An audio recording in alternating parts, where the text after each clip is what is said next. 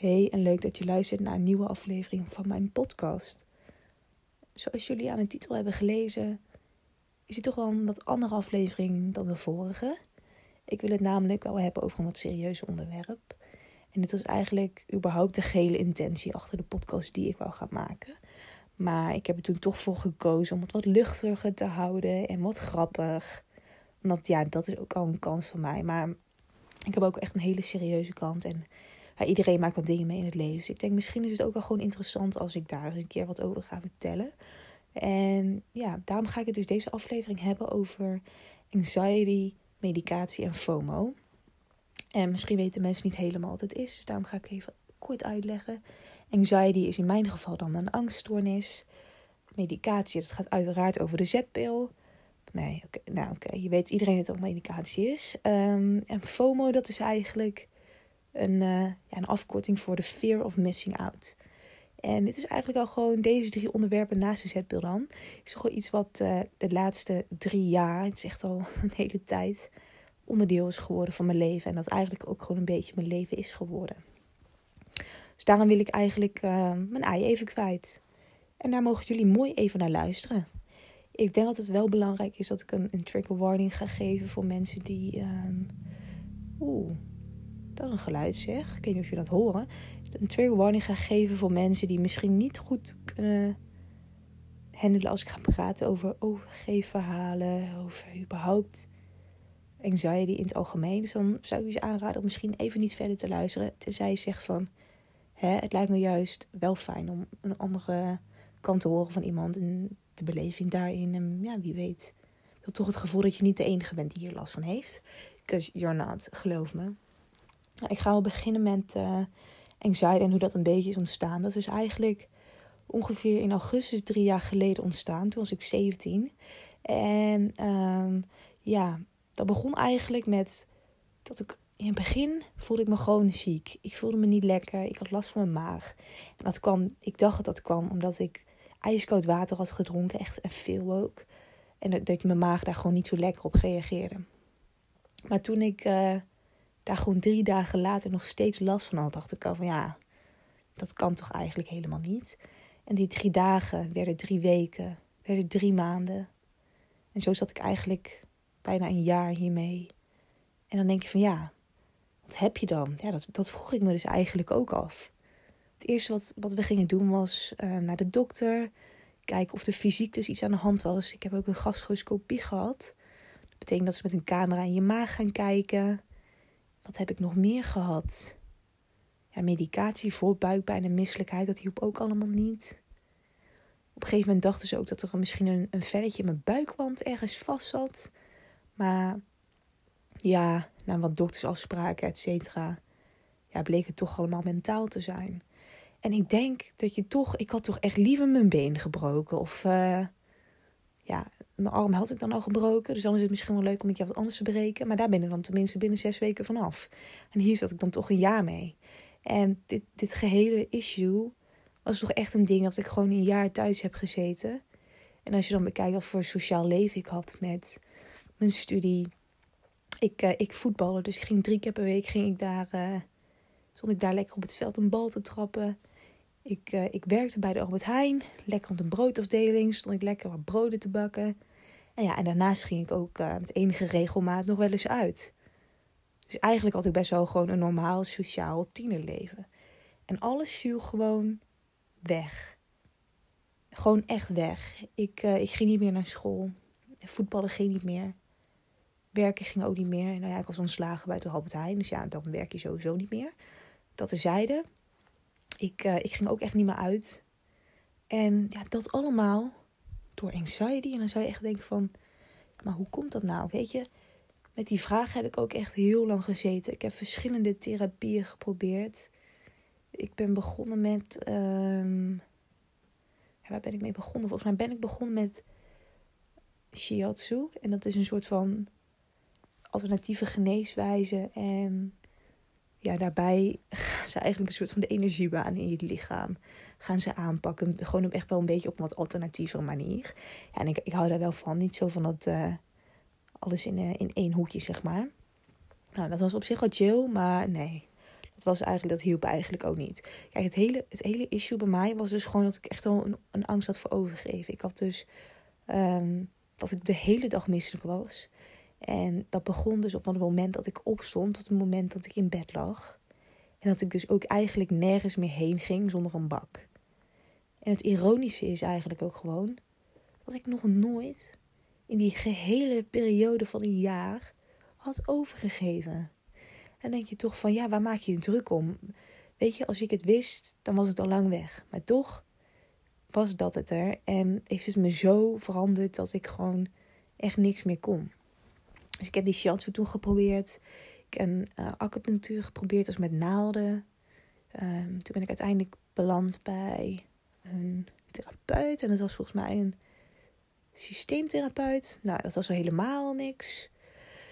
Ja, wat heb ik toen nog meer? Ik heb EMDR geprobeerd. Ik ben uiteindelijk bij een psycholoog beland. Dus ook ongeveer na een jaar. Omdat ik toen echt dacht, ja jongens, zo kan het toch echt niet verder. Ik bedoel, ik ben zo'n uitbundig mens. Dat, dat ik nou gewoon uh, elk weekend in mijn bed lig. In plaats van dat ik daar in de club lig. Dat is toch wel een groot contrast. Dus ik wou gewoon echt weer terug naar die oude levensstijl.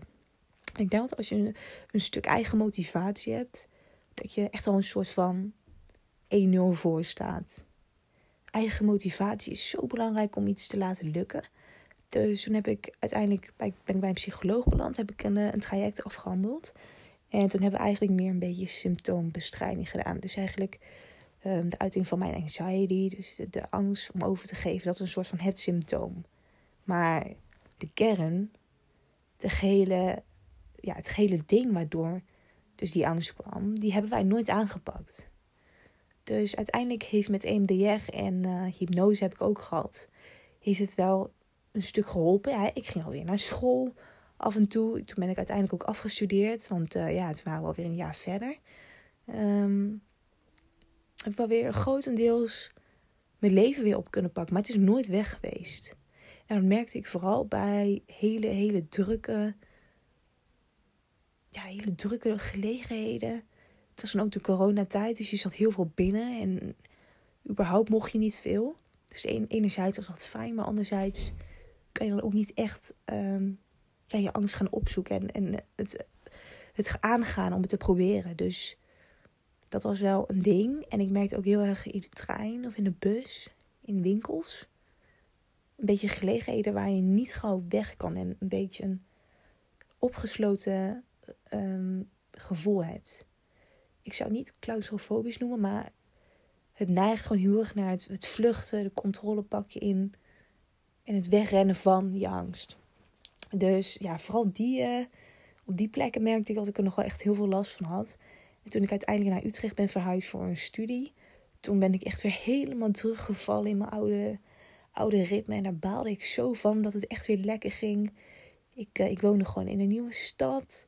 Ik reisde op en neer met de trein.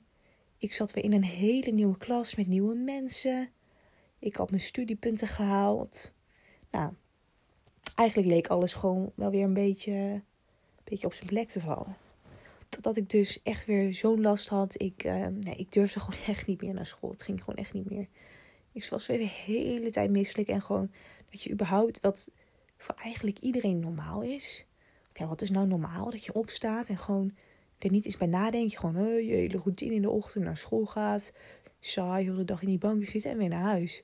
Maar voor mij was het zo'n big deal om überhaupt op te staan, te ontbijten. In de tijd die dan maar doortikt. En dan moet je wel gaan. Dat is voor mij zo'n big deal. En ik was er ook zo mee bezig. Dat het uiteindelijk ook echt niet meer ging. Dus toen heb ik besloten om te gaan stoppen met school. En ik denk dat dat nu achteraf echt de beste keuze was die ik ooit heb kunnen maken. Dus eenmaal terug in Eindhoven, toen ben ik weer naar een psycholoog gegaan. En ik zit daar dus nu nog steeds. Ik heb nu ongeveer, ja, hoe, zou ik het zeggen? Vier, vijf behandelingen gehad. Vier, denk ik. En nu ik kan vergelijken met de psychologen die ik hier voorheen had, merk ik zo'n verschil in de behandelswijze. En wat echt mijn hulpvraag is. En wat ik wil bereiken met het traject. Zo'n andere aanpak. En ik voel me echt zoveel meer gehoord. En dat ze echt gewoon de kern inderdaad gaan opzoeken. In plaats van het symptoom. Want je kan wel heel doodleuk met een pleister je, uh, je wond gaan ehm, ja, gaan helen, zeg maar. Maar dan is die wond niet weg. Dus ja, zo gezegd gingen we eigenlijk een beetje kijken hoe we die wond terug uh, weg kunnen krijgen. In plaats van dat je het gewoon met een pleister zeg maar niet meer zichtbaar maakt. Ik denk dat dat een mooie beschrijving is van, van wat het eigenlijk een beetje inhoudt. Dus ja, nou eigenlijk heel veel geprobeerd te hebben. En um, ja, nieuwe psycholoog is weer kijken, heel je weer uitgelegd. En het gaat nu allemaal weer zo'n stuk beter dat ik nu dus ook medicatie voorgeschreven heb gekregen. En ik heb dan antidepressiva gekregen. Het is niet dat ik depressief ben, maar um, deze medicatie moet dus helpen om je, je angstniveau naar beneden te krijgen. Nou, dat is gelukt, moet ik wel zeggen. Ik um, ben namelijk al twee keer uit geweest. Dus daar ben ik heel blij mee. Dat is eigenlijk ook gewoon echt wat ik heel graag wou. Lekker weer mijn oude levensstijl oppakken. Gewoon lekker weer uitgaan. En daar ben ik nu eigenlijk vooral mee bezig met uh, ja, jezelf weer terug op de rit te krijgen. En zo, dat is me toch uh, hell of a ride, moet ik zeggen. Anderzijds ben ik ook super blij dat het nu gebeurt in mijn jonge jaren. Ja, kijk, stel je bent 35 of 40 en je hebt uh, huisje, boompje, beestje. Ja, niet dat ik daar nou zo van ben, maar gewoon in ieder geval een beetje een steady leven met een, een steady baan. Wie weet heb je dan inderdaad ook kids. Ja, als je dan gewoon zo uitvalt, dan ben je toch al verder van huis. Of ja, dan ben je thuis, maar je snapt wat ik bedoel. Dus ja, ik ben er toch allemaal toch wel blij mee dat ik, hoe ik ben achtergekomen met uh, wat er nou eigenlijk is. En we zijn er echt goed mee bezig om aan te werken. En ja, ik heb nog steeds heel veel motivatie. Ik denk dat het daardoor ook echt gewoon gaat lukken. En dat ik mijn angst ga overwinnen. Dat ik steeds minder spanningen ervaar. En uh, ja, dus nu ben ik dus gestopt met school. En wat ik doe is ja, werken bij de GGD dan. Ik ben nu ook op zoek naar een, een andere baan. Omdat de GGD gaat waarschijnlijk binnenkort wel wel ophouden. Dus ik ben nou gewoon lekker uh, op een, een laag pitje eigenlijk mijn leven weer uh, een beetje op de rit aan het krijgen. Het bevalt me uitstekend. Echt uitstekend. Veel nieuwe inzichten gekregen, ook over mezelf. Um, ook heel veel begrip gekregen van mensen omheen die zich dan zorgen gaan maken. En dat vind ik dan, ja, vind ik zelf weer snel om te zien. Ik denk, je hoeft je geen zorgen te maken over mij, I'll be fine. Maar uh, ja, ik heb er toch echt wel doorheen gezeten. Ik was echt even mijn sparkle kwijt. Ik ben nog steeds wel een beetje zoeken naar, moet ik zeggen. Maar hè, we gaan echt wel weer bergopwaarts. Daar ben ik heel blij mee. Dus um, ja, die medicatie die uh, slik ik dan nu al een tijdje. En ja, wat daarbij is gekomen, is ook een beetje de FOMO. En dat was vooral ook dus toen in die coronatijd, toen ik echt wel heel lang thuis heb gezeten. En eigenlijk alleen maar bijvoorbeeld durfde naar de Albert Heijn te gaan. Ik uh, ging naar mijn oma dan. Ik had het echt overal, hè, die, die, uh, die spanningen. Dus dan heb je toch gewoon van als je kijkt dat je elk weekend uitgaat. Dat je dus gewoon ineens een jaar lang niks doet. En dan heb je toch, ja, ik heb dan zo last van die FOMO. Dat ik denk van, ja, maar ik, ik wil daar ook zijn. Of dat je gewoon nee zegt tegen dingen waar je voorheen gewoon blij van werd. Uitgaan, gezellig met mensen, dingen ondernemen. Ik ben daar echt van. Maar ja, op een gegeven moment begon ik daar echt wel last van te krijgen. Dat, dat ik uh, gewoon heel erg gemis had dat ik niet aanwezig was op sommige festiviteiten. En ik denk dat dat gemis, die FOMO, ook al een groot deel is geweest van het feit dat ik nu toch die dingen aan het doen ben. Ik wil het gewoon heel graag weer ervaren. Ja, en dat gaat is echt heel erg goed. En daar ben ik dus ook heel erg blij mee. Dus eigenlijk was dit een beetje uh, een verkorte versie van uh, wat mijn psycholoog ook te horen heeft gekregen. Dat is echt een beknopte versie, want ik heb het helemaal niet over mijn trauma's gehad, et cetera. Maar het moreel van het verhaal is, nou, wat ik eigenlijk mensen wil meegeven, is dat het echt beter wordt. Um, het is oké om hulp te zoeken. Het is ook oké als je gewoon nog niet weet wat er met je aan de hand is. Het is oké, absoluut, om dingen af te zeggen omdat je gewoon mentaal niet oké voelt. Je mentale gezondheid gaat echt boven alles. Uh, praat er vooral ook over met mensen.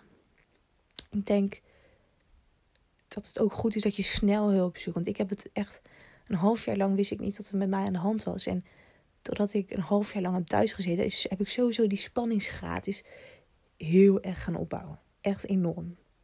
En ja, probeer dat te voorkomen. En er zijn sowieso heel veel verschillende soorten van anxiety. Dus het is niet dat het alleen maar dit is hoor. Dat het alleen maar puur en metafobie is. Er zijn zoveel verschillende soorten. En er zijn ook, ja, er zijn ook mensen die het veel heftiger hebben. Of mensen die het juist wat minder hebben. En dat is ook allemaal oké. En dat, dat heeft allemaal dezelfde, dezelfde waarde. En dat is helemaal prima. Ehm, maar ja, het is helemaal niet erg om, om hulp te gaan zoeken. Ik vind het juist heel erg dapper als mensen aan zichzelf gaan werken. Ja, gewoon een nog betere versie van zichzelf willen worden. En gewoon, juist een probleem onder ogen durven aan te zien. Zo niet dat ik uh, veer in mijn eigen reet wil gaan steken. Dat ik uh, helemaal geweldig vind van wat ik aan het doen ben. Want ik doe het ook gewoon puur mezelf. Omdat ik gewoon heel lekker uitga natuurlijk. Maar ja, ik wil ook nog een kleine paar tips geven voor mensen die last hebben van anxiety. Gewoon tipjes van mij. Um, doe een elastiekje om je pols. En ja, dan kan je dan een soort van mee tegen je pols aanschieten. Of, of knijp jezelf heel licht. En ja, dat is eigenlijk creëert uh, een ander soort van. Je zet zeg maar een andere zintuig aan het werk. En daardoor leidt het je af van je gedachten. Noem bijvoorbeeld ook drie dingen op. Dingen die je ziet, dingen die je ruikt, dingen die je voelt. En dat is ook gewoon weer puur om andere zintuigen aan het werk te zetten. Speel een spelletje Luister muziek. Ga neurien. Kijk naar boven. En vooral ook ademen. Ademen is zo belangrijk. De manier hoe je ademt is zo belangrijk. Dus mediteren zou ik zeker aanraden. En dan kun je zeggen, ja, maar zo'n zweefteef ben ik niet. Oké, prima. Maar ademen is zo belangrijk. En denk je van, ja, iedereen ademt. Nou ja, behalve als je dood bent. Maar je snapt het. De manier hoe je ademt kan je zoveel rust geven. Het is gewoon echt heel belangrijk. Ik denk dat jullie het snappen. Nou, we zitten al bijna op die 20 minuten. Dus bij deze wil ik deze iets serieuzere aflevering graag afsluiten. Um, until the next one. Ik denk dat de volgende wel gewoon weer wat lolliger zijn. Tenzij mensen zeggen: hey, dit vond ik echt wel interessant om aan te horen. En dat wist ik helemaal niet. Nou, bij deze weet je het in ieder geval. Je bent weer helemaal up-to-date. Um, thanks for listening in ieder geval. En uh, tot de volgende.